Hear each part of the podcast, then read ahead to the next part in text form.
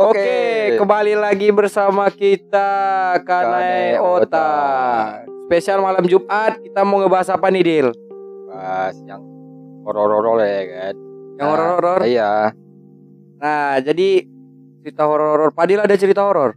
Kalau aku sih nggak ada sih. Paling ada sih. Apa? Sedikit aja. Sedikit aja. Kita kedatangan Bintang tamu. bintang tamu gak tuh? Kita kedatangan tamu kakak-kakak cantik ya kan, Dil ya? Kakak-kakak cantik. Iya. Nah, dia mau ceritain pengalaman dia waktu KKN.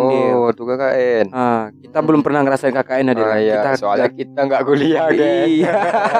Aduh, kita cuma tamat SMK. Nah, kali ini kita kedatangan kakak cantik. Boleh dong kasih tahu siapa namanya, Kak?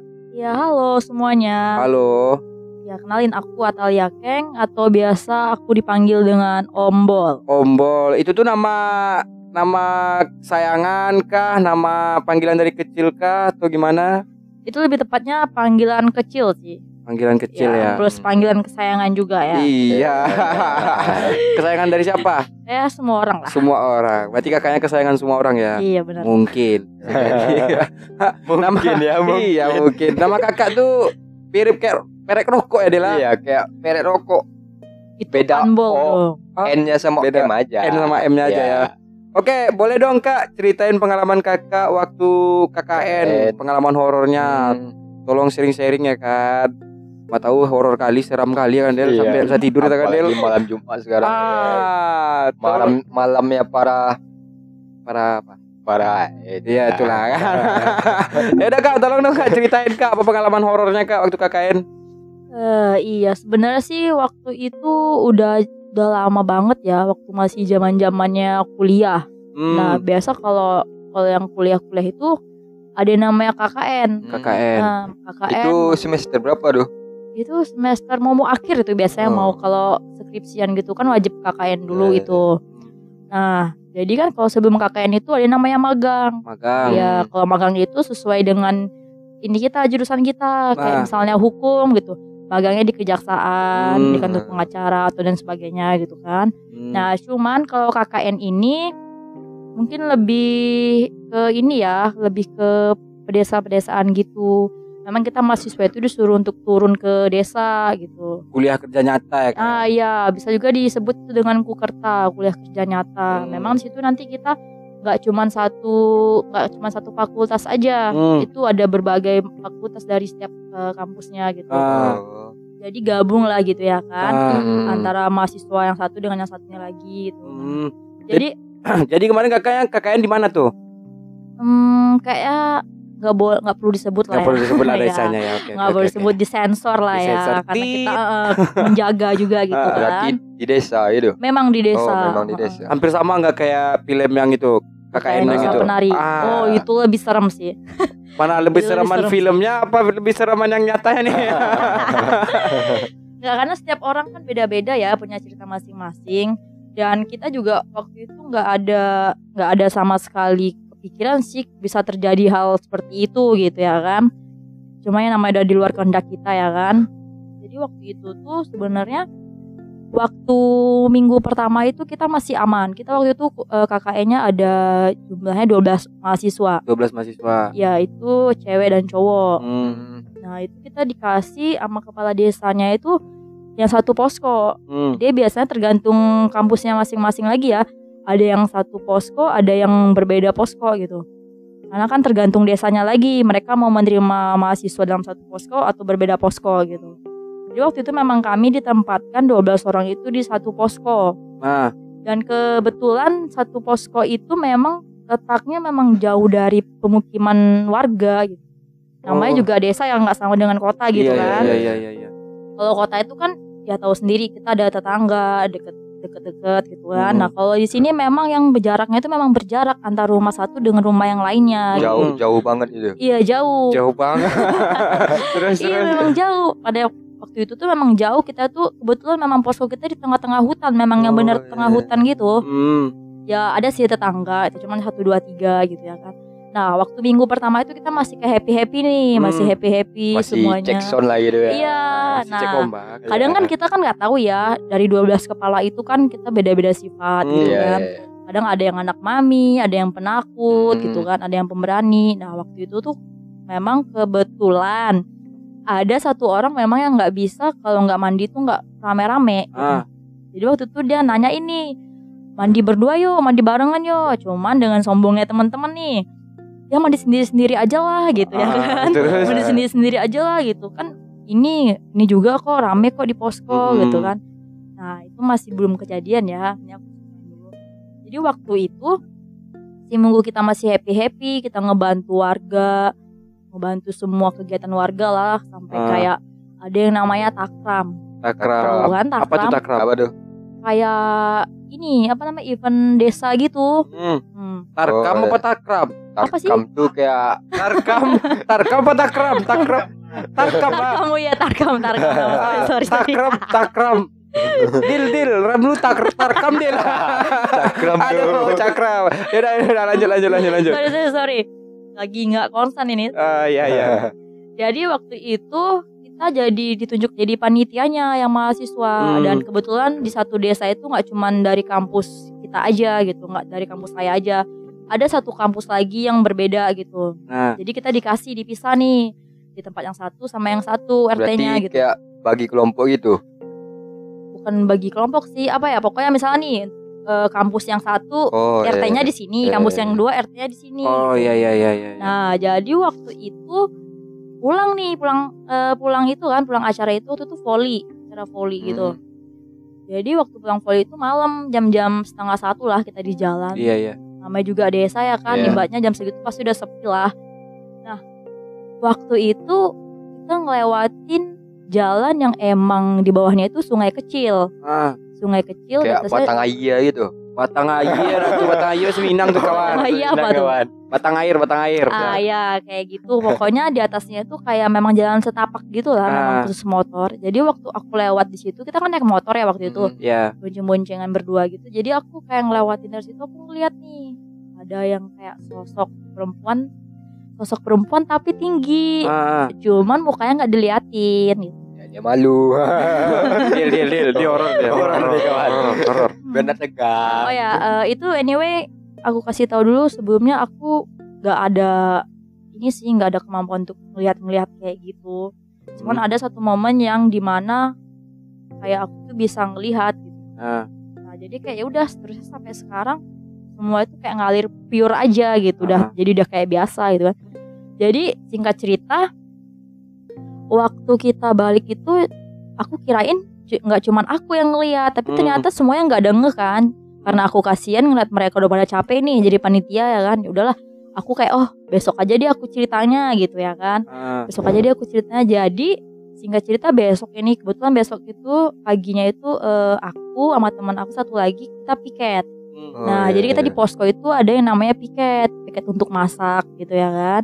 Bersih bersih posko dah pokoknya gitu nah jadi waktu itu kita nggak bawa pisau nih kebetulan nih nggak bawa pisau jadi kita pinjem ke tetangga sebelah Hmm. nah kita itu biasanya manggilnya bude Bude. Iya Bude. Karena di situ kan lingkungannya lingkungan orang-orang Jawa gitu ya, orang Iya, Jawa, iya. orang Sunda. Jadi kita ah, jadi waktu itu aku yang minjem, biar aku aja yang minjem pisaunya. Jadi aku minjem ke rumah si Bude, aku bilang gini, Bude, eh aku tadi malam ngelihat kayak perempuan Bude tapi tinggi besar gitu. Nah, terus Jadi Bude nanya, di mana tuh? Ya kan? Ah. Terus aku bilang di dekat itu Bude sungai kecil yang jalannya setapak. Aku bilang. nah, Terus si Bude langsung bilang kayak gini, oh kowe iso toh katanya kayak gitu. Apa artinya tuh? Waisu tuh maksudnya oh kamu bisa, Oh, maksudnya kayak iya, kamu iya. bisa ngeliat gitu ya kan. Terus aku bingung di situ aku kayak bengong maksudnya Bude, maksudnya apa Bude? Nah jadi si Bude ini ceritain, jadi kayak ngerumpi gitu jadinya nggak jadi minjem pisau Iya, gitu iya, ya iya. kan. Terus, terus. Jadi abis itu eh, aku tanyain maksudnya Bude. Jadi si Bude cerita, ya dulu itu di sini tuh ada gadis yang diperkosa. Perkosa. Ya, Waduh. jadi di desa itu ada perempuan yang diperkosa, Ah, ah. terus eh, jasadnya itu mayatnya itu ketemunya ya di bawah sungai yang aku lihat itu yang kami lewatin malam-malam itu Oh, berarti itu arwahnya cewek itu. nggak tahu juga kita ya Ah. jadi waktu itu aku langsung diam Hmm. terus kata budenya ini kayaknya cuman kamu aja yang bisa katanya teman-teman Ah. kamu nggak usah dikasih tahu oke lah itu masih minggu kedua itu Minggu Karena kan kedua. minggu pertama kita masih happy happy ya, masih Iya, dengan iya. keluarga. Oh, Ah. jadi hantu itu bilang kayak, oh tenang-tenang lah dulu ya kan Del. Santai-santai dulu. Santai. Ah, nah jadi singkat cerita minggu ketiganya lagi itu udah mulai mulainya tuh maksudnya kayak ada gangguan datang gangguan gangguan lain gitu Hmm. jadi kayak memang waktu itu aku sampai sampai mau dipulangin sama kepala desa Hmm, kenapa Oh. tuh? Karena waktu itu aku sakit-sakitan Sakitan. Heeh. ditambah lagi ada kayak apa ya mbah-mbah gitu bilang katanya ini anak dia bawa dari luar Ah. aku juga nggak tahu bawa dari luar itu apa gitu Mm-mm. kan nah katanya yang yang ini nih yang si perempuan ini tadi nggak nerima gitu. Oh, enggak nerima kehadiran gitu. Heeh. Terus waktu itu, Bahaya juga sih mbak.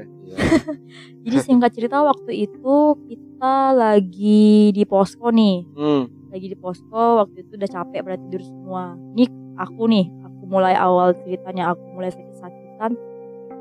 Jadi waktu itu semuanya lagi pada tiduran. Jadi aku ini eh, aku nih keadaan kata teman aku ya, keadaan badan aku nih menggigil hebat gitu, sampai bergetar semuanya. Tapi aku nggak, badan aku nggak dingin, malah badan aku panas kayak orang demam gitu. Hmm. Nah, jadi sampai kayak teman-teman itu ngasih selimut, selimut mereka, mereka kan bawa selimut tuh masing-masing.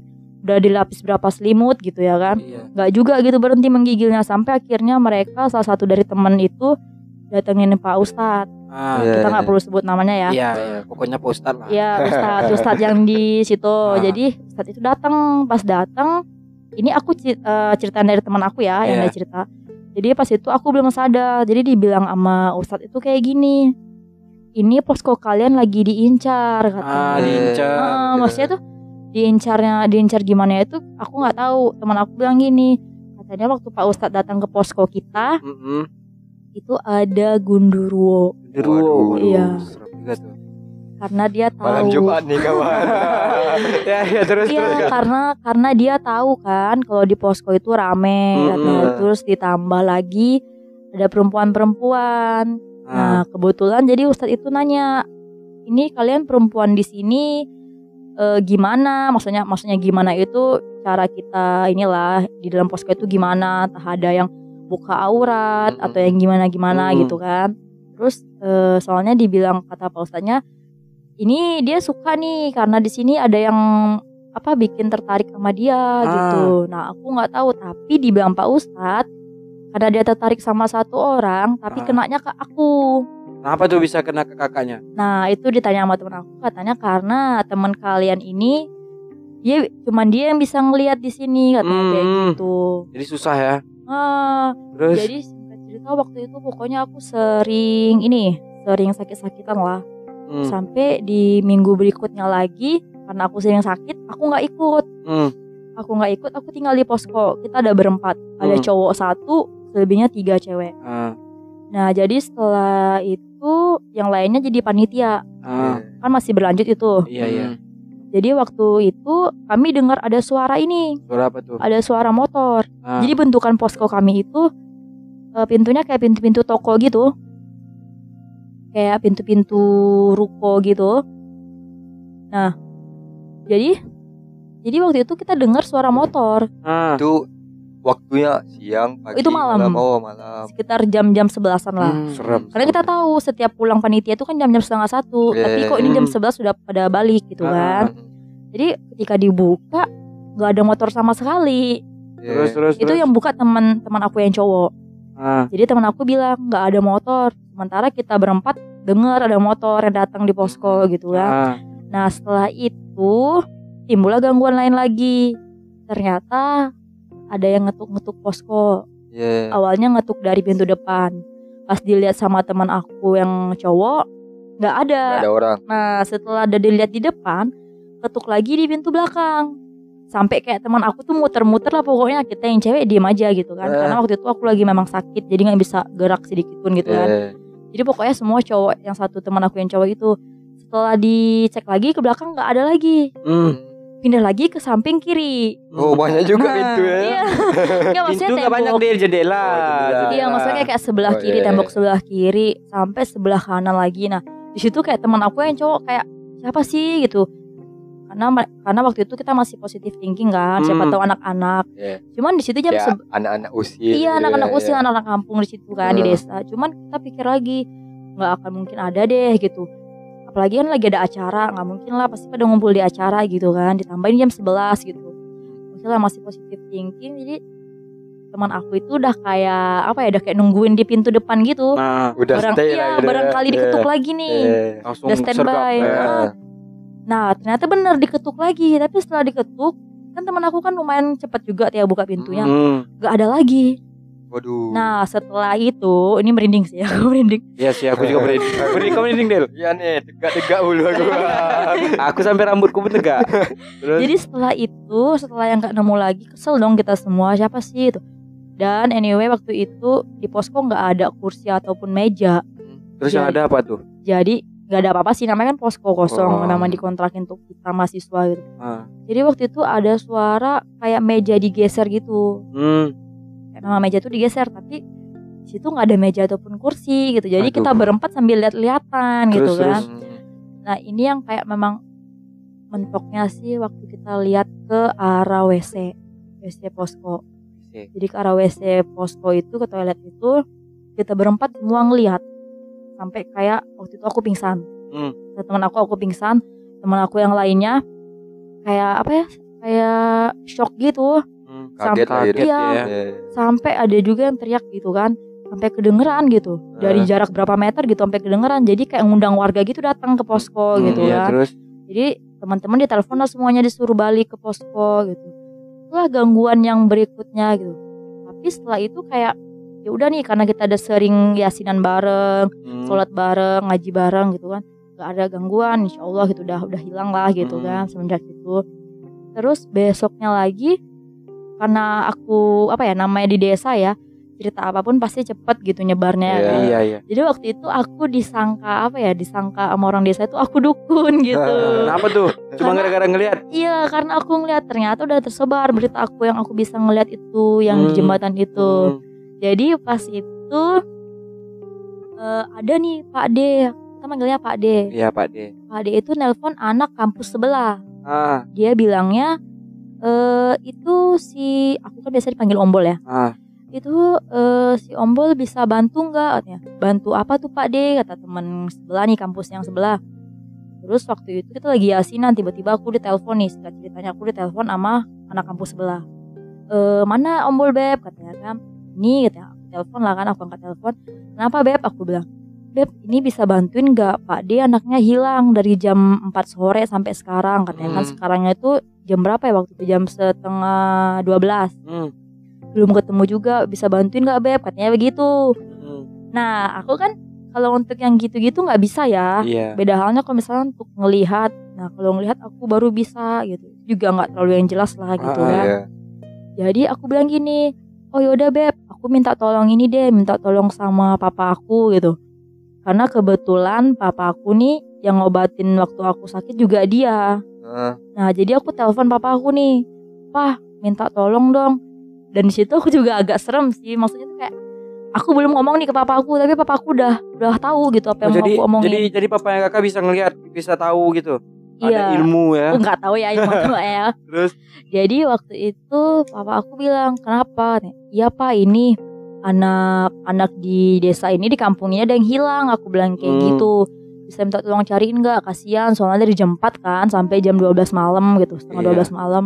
Jadi papa aku bilang gini, ya udah tunggu bentar papa sholat dulu katanya. Aku nggak tahu sholat apa dia gitu ya. iya, iya. Jadi aku telepon lagi Pak D-nya. Pak D, ntar ya papa aku lagi sholat dulu, nanti aku kabarin. Nah terus di situ Pak D ngasih tahu nih ciri-ciri anaknya. Kalau anaknya itu laki-laki, umurnya 10 tahun. hmm. Pokoknya dia ngasih tahu ciri-cirinya lah. Jadi setelah itu aku ini aku telepon lagi papa aku. Iya. Pak gimana pak ini eh, anak ini ciri-cirinya? Papa aku langsung nyambung. Itu ciri-cirinya anak laki-laki ya? Iya aku bilang Langsung kayak gitu. tahu ya. Iya waktu itu kita lagi ngumpul nih kan anak-anak di posko. Jadi aku loudspeaker gitu. Hmm. Jadi semua denger dong percakapan aku sama bapak kan. Iya, iya, iya. Jadi aku jadi aku bilang gini, eh iya kok tahu papa? Ya anak itu laki-laki umurnya 10 tahun kan? Ah, Ya Hmm. pak. Nah jadi papa aku bilang gini, coba suruh kasih tahu ke warga cari di ini katanya di sumur deket pasar. Jadi sumur, eh, sumur tua gitu.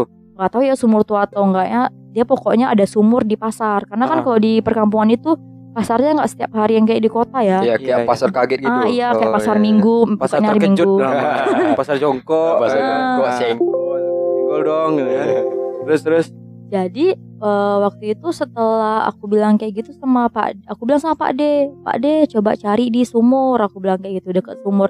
Ada nggak sumur di kampung ini ada nggak sumur yang dekat sama pasar? Hmm. Oh ada ada neng katanya kayak gitu. Kalau ini kalau orang-orang Jawa atau orang Sunda sana ya, kalau misalnya nyari anak hilang kan pakai kantongan tuh. Ah. Jadi mereka nyari pakai kantongan gitu rame-rame. Nah jadi pas ke sumur ketemu. Cuman yang ketemu itu cuma sendalnya doang. Cuma sendalnya doang. Bertanda gitu. Iya. Tanda-tanda ya ada Ah. di situ gitu. Bukan kayak jejak. gitu. Oh, iya, Iya, jejak- jejak cuma sendal. ya? Cuma sendal yang dia pakai waktu pagi itu pergi Ah. main. Kan dia izinnya mau pergi main tuh, tapi nggak balik-balik gitu. Iya, iya. Terus habis itu eh, aku telepon lagi papaku. Pak, ini ini ketemunya cuma sendalnya doang. Aku bilang kayak gitu di Ah. sumur. Terus papaku bilang gini, kalau malam ini dicari dipaksa juga nggak bisa nggak bakal ketemu katanya. Besok ketemunya jam 10 sekitar jam Hmm. 10 kata papa aku. 10 pagi. Iya 10 Ya. pagi. Jadi aku pokoknya sepanjang itu aku telepon-telepon balik nih, telepon papa aku, telepon Hmm. Pak D gitu kan. Jadi aku bilang sama Pak D, Pak D, kata papa saya itu ketemunya nggak kalau malam ini nggak bisa ditemuin, aku bilang kayak Hmm. gitu. Nggak nggak bakal dapet juga. Besok baru dapatnya sekitar jam 10-an, aku bilang kayak Hmm. gitu. Nah, jadi setelah besoknya lagi nih, karena kan itu kan pencariannya kan di dihenti, dihentiin gitu Ah, kan, iya, iya. dilanjut besok. Waktu itu aku udah dapat kabar emang yang jam 10 jam 10 pas nggak ada 10 lewat 10 kurang gitu. Memang jam 10.00 jadi aku ditelepon lagi sama Pak D. "Eh, anak Pak D udah ketemu katanya. Ya. cuman keadaannya udah meninggal Udah Serem. meninggal dia kayak ngambang gitu di di apa ya kayak kolam-kolam ikan gitu Oh. kolam Iya, ikan iya, iya, warga iya, tahu, gitu Tahu, tahu, tahu, tahu. cuman udah berdarah-darah gitu dari mata dari hidung nah jadi aku aku aku telepon lagi bapak aku pak anaknya udah ketemu tapi dalam keadaan meninggal aku bilang kayak gitu Serem sih. terus aja. Bahaya, bahaya. Bahaya. Del. Iya. terus Bahaya kata, tuh. kata Aduh. bapak aku kata bapak aku itu dia disembunyiin gitu Disembunyiin. Heeh. tapi nggak tahu disembunyiin sama siapanya aku nggak tahu nggak nanya cuman dia bilang gitu disembunyiin dan kalau malam itu dicari nggak ada nggak bakal ketemu Dia disembunyiin tapi keadaan dia berdarah-darah ya, Dil ya. Iya. Serem juga sembunyiinnya tuh, Dil. Aduh. Iya aku juga aku juga shock. Nah di situ teman-teman aku semuanya juga pada shock dong gitu. Karena emang benar jam 10 nemunya gitu. Hmm. 10 10 pas, oh, 10.00. Jadi di situ aku makin image aku makin dibilang anak dukun dong jadinya. Iya. Jadi- Dukun, terus, jadi terus. dibilang anak dukun gitu kan. Maksudnya kayak eh, setelah itu lah jadi kita ngelayat ke rumahnya. Memang keadaannya udah kayak apa ya? Gimana sih seharian di air gitu. Hmm. udah membengkak gitu, membiru, terus kayak ada darah-darah dari hidungnya. Nah, jadi setelah itu nih lucunya nih, setelah kita ngelayat, ada warga datang ke posko, Ah, datang ke posko itu bawa pada bawain makanan gitu, bawain makanan sambil bilang e, makasih lah gitu Oh, iya, kan, iya, tanda makasih. ucapan makasih. Jadi aku ma- di situ tuh kayak apa ya, kayak, kayak anak dukun lah gitu ha. dukun gak Tapi memang di tempat KKN itu emang serem sih. Kayak nggak cuman itu aja yang aku lihat.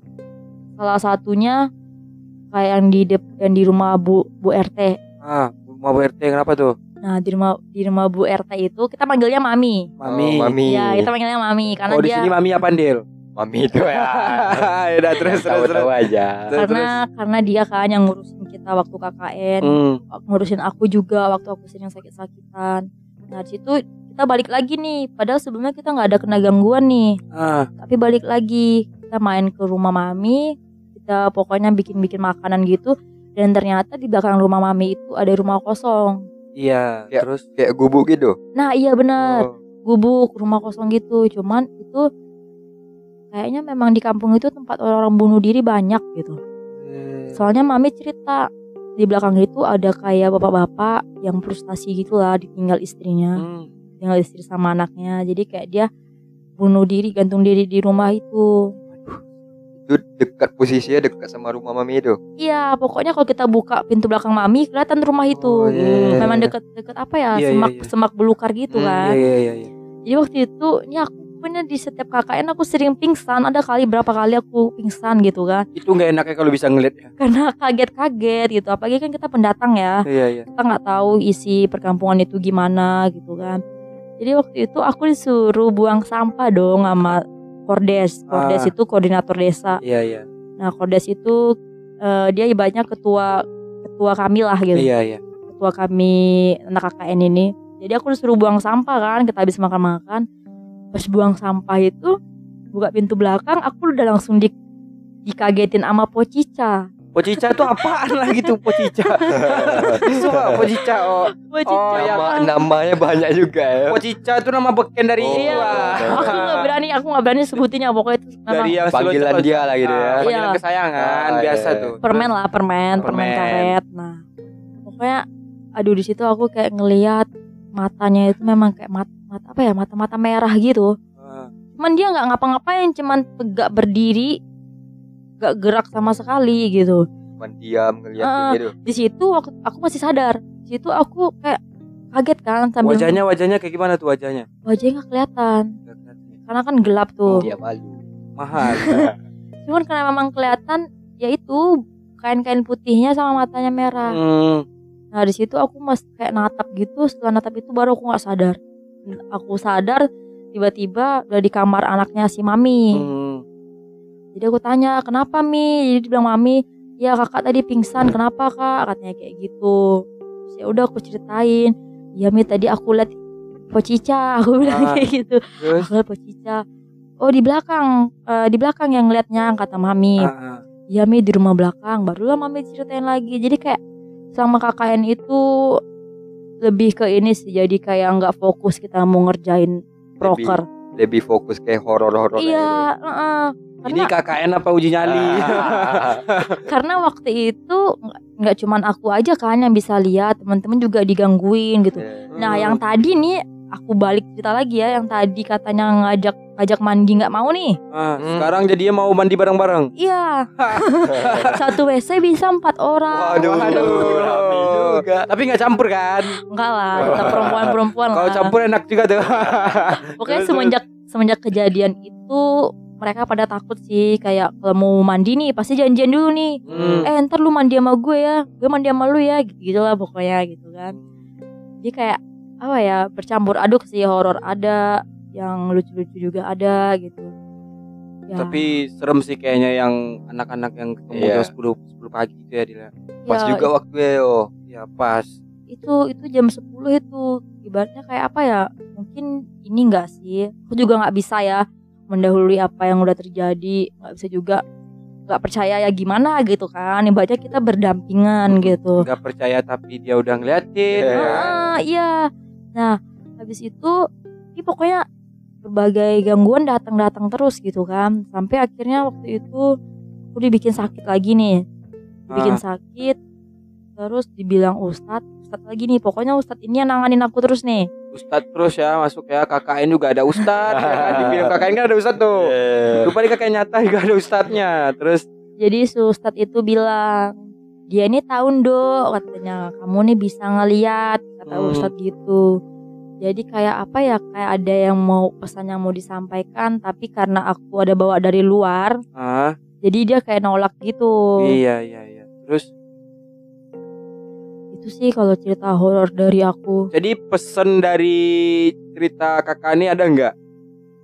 sebenarnya kalau pesen ya pasti ada ya. Setiap kita nginjekin ke tempat yang baru alangkah baiknya kita permisi dulu Permisi dulu ya kita kenalin dulu gimana keadaannya Ah, Karena kan kita kan pendatang. Sopan juga Ah, kan sopan. sopan jaga attitude gitu karena kita nggak tahu keadaan di situ tuh gimana gitu Terus juga apa yang kata kakak tadi yang genderuwo suka itu segala macam juga cara busana kita lagi ya kan. Iya, iya benar karena kan yang kayak gitu-gitu kan rentannya ke perempuan ya Ah, karena kan Hmm. bukan cuman manusia doang yang suka ya dilihat ternyata Iya, makhluk halus juga suka.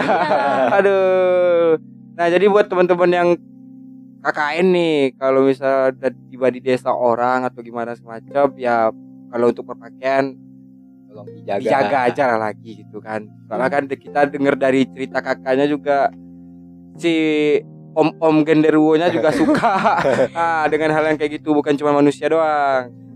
Nah, jadi eh setelah itu ada nggak kakak pengen ke sana lagi gitu? Kalau ke sana lagi sih pengen. Hmm. Karena gimana pun juga kan tetap jaga silaturahmi ya. Iya. Cuman Kayak ya, udah eh, keluarga gitu lah ya. Iya bener Pokoknya setiap aku sakit mereka yang ngebantuin gitu. Hmm. Kayak yang aku bilang mami-mami tadi, ibu RT-nya. Pokoknya memang enak sih sebenarnya. Cuman ya karena kita pendatang kali ya, kita nggak tahu kan. Kita nggak tahu juga itu Ah. gimana lokasinya kayak gimana. Iya bener. Kadang masih masih baik kok, masih silaturahmi dengan baik. Kadang eh, si mami ngechat, kakak kapan main ke sini gitu. Hmm, nggak takut kak? Cuman kalau untuk nginep kayaknya enggak deh. Nggak takut. Takut terulang kedua Ah, kali ya. bener. Karena emang itu perkampungan emang serem gitu. Jam 9 aja itu udah sepi. Hmm. paling ramenya karena ya kita anak-anak KKN Hmm. gitu kan anak-anak Kukerta ini ramainya kalau nggak memang sepi jam 9 itu udah sepi Iya. Eh, ditambah lagi jalannya itu jalan as yang setengah aspal setengah tanah gitu tau gak sih Tahu tahu tahu tahu tahu. nah heeh. nah setapak gitu nggak Iya. nggak jalan yang ini nah aku lupa tuh yang waktu aku bilang aku ngelihat si perempuan ini di jembatan Ah, Hmm. jadi lupa ceritain kata Bude ini Bude yang sebelah posko Iya. dia bilang dulu ini ada supir truk ah. lewat situ kecelakaan ya padahal padahal kan itu jalan setapak ya Ya, bukan kok jalan bisa kecelakaan Ah. gitu kan? bukan jalan-jalan yang besar gimana gitu kayak jalan Dan- raya atau jalan tol gitu Dan kan. ditambah mungkin kalau misalnya mobil truk yang lewat ya cuma mobil itu satu doang yang bisa Iya. lewat ya kan? nah jadi seremnya seremnya itu si supir ini meninggal di tempat itu jarinya Hancur. jarinya jarinya kayak terpotong gitu bukan kayak lagi sih emang udah terpotong Anjir gimana cerita? gitu. Ya coba. Pokoknya setelah itu sering kecelakaan di situ yang aku yang aku lihat itu Ah, di perempuan itu kata Bude situ sering kecelakaan sampai akhirnya mereka itu kayak ngasih ngasih sesajen saja. kayak nyus apa mensucikan tempat itulah Hmm. gitu Tapi udah suci sekarang. udah nggak tahu ya Gak tahu kan gara-gara sering disuciin udah suci kan dia. makanya kayak budenya kaget loh kok bisa ngeliatin wujudnya gitu Hmm, berarti dia memang kayak oh, berarti si cewek ini doang nih yang bisa aku liatin wujudku Iya, iya. katanya kan. Hmm, jadi waktu itu singkat si ceritanya cewek ini nggak bisa juga nyampein apa yang sebenarnya yang mau aku sampein kan. Masih sakit sakit aja nak nih gitu kan. Terus terus. Ya karena kan kita nggak tahu ya gitu isi perkampungan itu gimana ada apa Mm-mm. aja. Jadi kan kita kayak agak shock gitu kan iya iya. ngeliat yang kayak gitu-gitu. Ya walaupun udah terbiasa gitu. Jadi waktu itu singkat ceritanya karena aku sering sakit dan KKN juga waktu itu mau berakhir sih seminggu lagi. Mm-mm. tapi aku lebih duluan ninggalin kampung itu. Gara-gara sering sakit. Ah, jadi bilang kepala desanya udah nggak apa-apa pulang aja duluan. Jadi ya udah waktu itu aku minta jemput sama keluarga aku. Jemput sama keluarga aku aku pamit ke semuanya kalau aku minta pulang duluan. Hmm. jadi nilai aman tuh? Nilai aman. Ah jadi itu cerita yang paling horor bagi kakak waktu KKN ya? Iya benar. Kalau cerita horor lain gak ada? Kalau cerita horor lain ada tapi kan nggak mungkin malam ini. Padil Padil ada gak cerita horor Padil pas saya Padil hidup gak ada cerita horor? Adalah ada? Waktu Yo ingat gak waktu kita ke pulau? Pulau. Pulau Pagang Yang waktu kita mandi di oh yang waktu kita berempat Ah. itu sama bang bang Hamdan mas Nana Ya gimana tuh mandi cerita? jam 10 malam tuh nggak salah? Oh yang aku mandi. Ya kita kan pup pup bersama-sama gitu. Ah, Pup bersama-sama gitu. Kalau ada ya satu WC satu WC Ya, kita satu bocor. WC, satu WC Ah, terus? Cuman kan ya WC kita tuh pintunya ada yang gedor-gedor gitu. Ah WC satu digedor WC oh iya digedor. aku ingat sih Dil yang kayak ya aku mandi nih WC sebelah aku nggak ada orang. Iya. cuman tiba-tiba ada air ngalir terus Oh, sampo sama lewat kan. gitu ya. Apa plastik sampo lewat ah, anjing itu aku pasti Itu- takut sih Otak. kade kade otak sama siapa sama Mas Nanang anjing Ku- kukira memang seram Tapi emang iya. tapi kayak seram. hmm, seram. apalagi di WC itu kayak kayak pintu WC banyak nih. ah, Ada suatu kaca besar gitu. suatu kaca besar kaneota tuh Kaneota. kaneota nggak kalau kalau selain itu gak ada deal Selain itu kalau yang tadi itu kayaknya kita kena memang kaneota deal kitanya memang kaneota sama Mas Nanang ada di pulau juga. di pulau juga di mana tuh Di pulau pas sumpahan. Sumpahan. Aku mandi waktu malam-malam tuh mandi jam jam 8 Gimana? jam jam 8 jam 8 malam Ah, di Pulau Pasumpan ah. mandi kan jadi aku mandi ini aku ngambil gayung di apa di bawah kan jadi Ah. kayak ada tangan gitu Ah. padahal di WC sebelah nggak ada siapa-siapa iya? ya itu kayak Anjing. waduh gimana nih itu harus otomatis aku cepat-cepat tuh Terus nah diam aja lagi dia masuk lagi. Diam aja lagi. Aduh. soalnya tegang kan Tapi nggak ada dinampain kan dia. Alhamdulillah nggak ada Mudah-mudahan. Mudah-mudahan mau mau jumpa kok. Jangan sampai lah, lah. lah. Mau jumpa di tanggal jantung. Jantungnya bengkak tuh. Aduh, kalau aku ada sih, Del. apa tuh gimana tuh Ah, ah, gimana tuh kalau untuk serum-serum tuh banyak sebenarnya Del. Woi. Sumpah. Ah, ya apalah. Yang aku apa aja lah ya. Waktu itu kan aku pergi sama cewek aku deh, Ah. ya kan. Nah, Ah. perlu lah sebut nama cewek tuh. hmm. Pergi aku dari Padang nih, Del. Dari Padang. Aku nih dari aku dari Pekanbaru ya ya ke Padang. Itu dari Sebenarnya- baru ke Padang sendiri ada gimana sama cewek? Sendiri deh. sendiri. Nggak, sebenarnya kan aku datang ke Padang nih janganlah mandi WC gitu. Hmm. Bukan baru bisa lah aku mandi WC kan. Aku Yeah. pengen mandi sungai deh, Ah. cuman nggak dapat dapat. Hmm. Cewek awak nih nggak suka pula dia mandi mandi sungai. Yeah. Banyak takutnya. Nah, itu kan arah pulang nih. Pulang di cincin. Oh di sini Cin. Aku lurus kalau kendaraan aku tuan, rum motor tuan ke Yeah. atas lu ke Lubuk Bontar, Lubuk Oh, Bontar. Lubuk Bontar. Jadi pertama tuh tengah hari sih deh, tengah hari. Oh, tengah hari. Kalau 12. tengah hari itu kayak masih apalah nggak nggak terlalu takut kali lah gitu. Iya nggak terlalu takut, cuman kan memang dilarang mandi tengah hari Iya, dia. iya. Tapi aku udah gerah kali Dil, pengen mandi aku mandi Hmm. sungai nggak dapat dapat kok. Tapi udah tahu dilarang. Ya nama awak jelas semakin dilarang semakin dikerjakan aja. Dikerjakan aja. ah, semakin dilarang semakin dikerjakan. Eh, Nah, Bandel jadi kan berarti ya. ah, bandel awak Oh, nih kan. Itu kan nyampe di Lubuk Bonta dia nyampe di Lubuk Bonta. Lihat airnya nih pantang sejuk kali airnya Ah, nih, airnya itu biru ya kan. WC Lubuk Bonta seram juga sih. Iya, seram lah, orang jangan dipakai kok. Ah, gelap Ah, kan, nggak ada jadi kan lampu.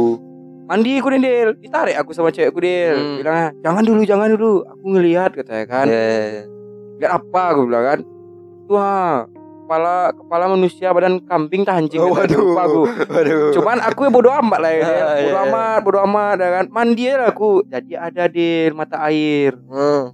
mata air tuh aku ambil minum airnya ambil airnya kan langsung ku minum aja Hmm.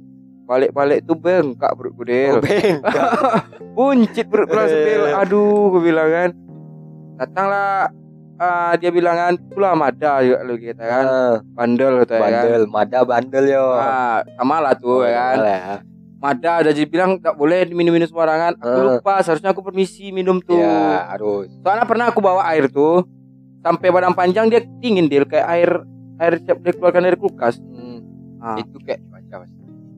Salah ya lah Eh. pokoknya memang Oke. eh dingin-dingin tuh dah jadi kan muntah aku terus Del Eh. berobat pun tak sembuh-sembuh cemana nih gue bilang kan Cemana ini? Iya. Orang enak tidur malam dia aku sibuk Iya. aja bolak-balik WC. Keras, sakit. Ah, perut perut kembung aja terusnya. Hmm. Itu kan nggak bisa berobat, beli obat nggak pula mempan ya kan. Balik- Pergilah aku ke rumah belakang. Iya. Aku kan rumah depan itu tuh. Ah, Rumah belakangnya aku lihat kuburan nih serem pula ya kan. Malam-malam besok pagi aja ya. lah aku pergi aku bilang kan.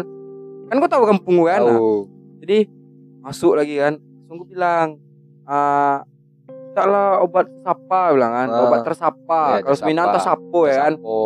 Mintalah obat tuh bilang kan coba lihat kena coba lihatkan dulu dia Ah. bilang kan dilihatkannya apa tahu apa katanya dia Apa? untung Iko ini masih masih untung ya lah masih untung Tuhan sayang gitu. Ah. Kalau nak sayang tuh lah masih untung kok cuman dikasih bengkak ya perut kau nih Bang. memang tersapa aku dia nampak dia Yeah. orang tuh dia panas tuh gitu kan ah kalau ndak udah di maninjau kau nih sekarang Oh, meninjau. iya mbak tuh mandi aku tenggelam tiba aku maninjau Oh, eh. Padahal si cincin mandi jauh tuh lumayan jauh tuh. Ah. Pak, cuman cara tembusnya tuh kan luar dimensi lagi tuh gue bilang kan. Itulah cuma aku semenjak itulah. Gak mau lagi aku mandi sana Del. Agak pun mandi sana gak mau aku minum-minum gue. bilang. Cuma sekedar aja Ah, ya. ah. Ya itulah cerita Ya. orang aku. Untuk untuk kayak waktu udah Waktu juga udah apa kan. Ah, buat Kak Siska, Kak Atalia Keng banyak kali namanya, Kak Ombol panggilan tersayang katanya. Makasih udah mem- apa bagiin pengalaman horornya, cerita Ah. horornya ke kami, ke teman-teman yang dengerin ini. Maaf tadi potong, kami mau juga mau cerita horor apa-apa. juga ya kan. Makanya kakak aja mau cerita horor. Itu kami juga dong. Ah. nah, sekali lagi kami ucapin terima kasih buat Kak Siska, buat apalah nama panggilannya, Kak Ombol aja lah ya. Iya, terserah Makasih. mau apa aja. Makasih buat Kak Ombol. Ah, semoga nggak sekali ini aja kakak mau cerita-cerita lagi. Iya. ya kan? Besok juga mau cerita-cerita lagi podcast kami podcast Kanai Kane Ota. Ota. Sebenarnya semua cerita-cerita yang kami ceritain tadi tuh cuman bohong-bohong aja. Iya, karena kayak- kalian Kanai Ota. Ota. yang, yang yang real cuma cerita kakak ombolnya aja. Cerita kami itu semuanya otak. Ya udah eh, buat teman-teman selamat apa selamat dengerin podcast dari kami. semoga kalian suka. Dan kalian kalau ada cerita-cerita horor kalian juga bisa ceritain pengalaman kalian di komentar sampai jumpa di, Di podcast, podcast selanjutnya. ya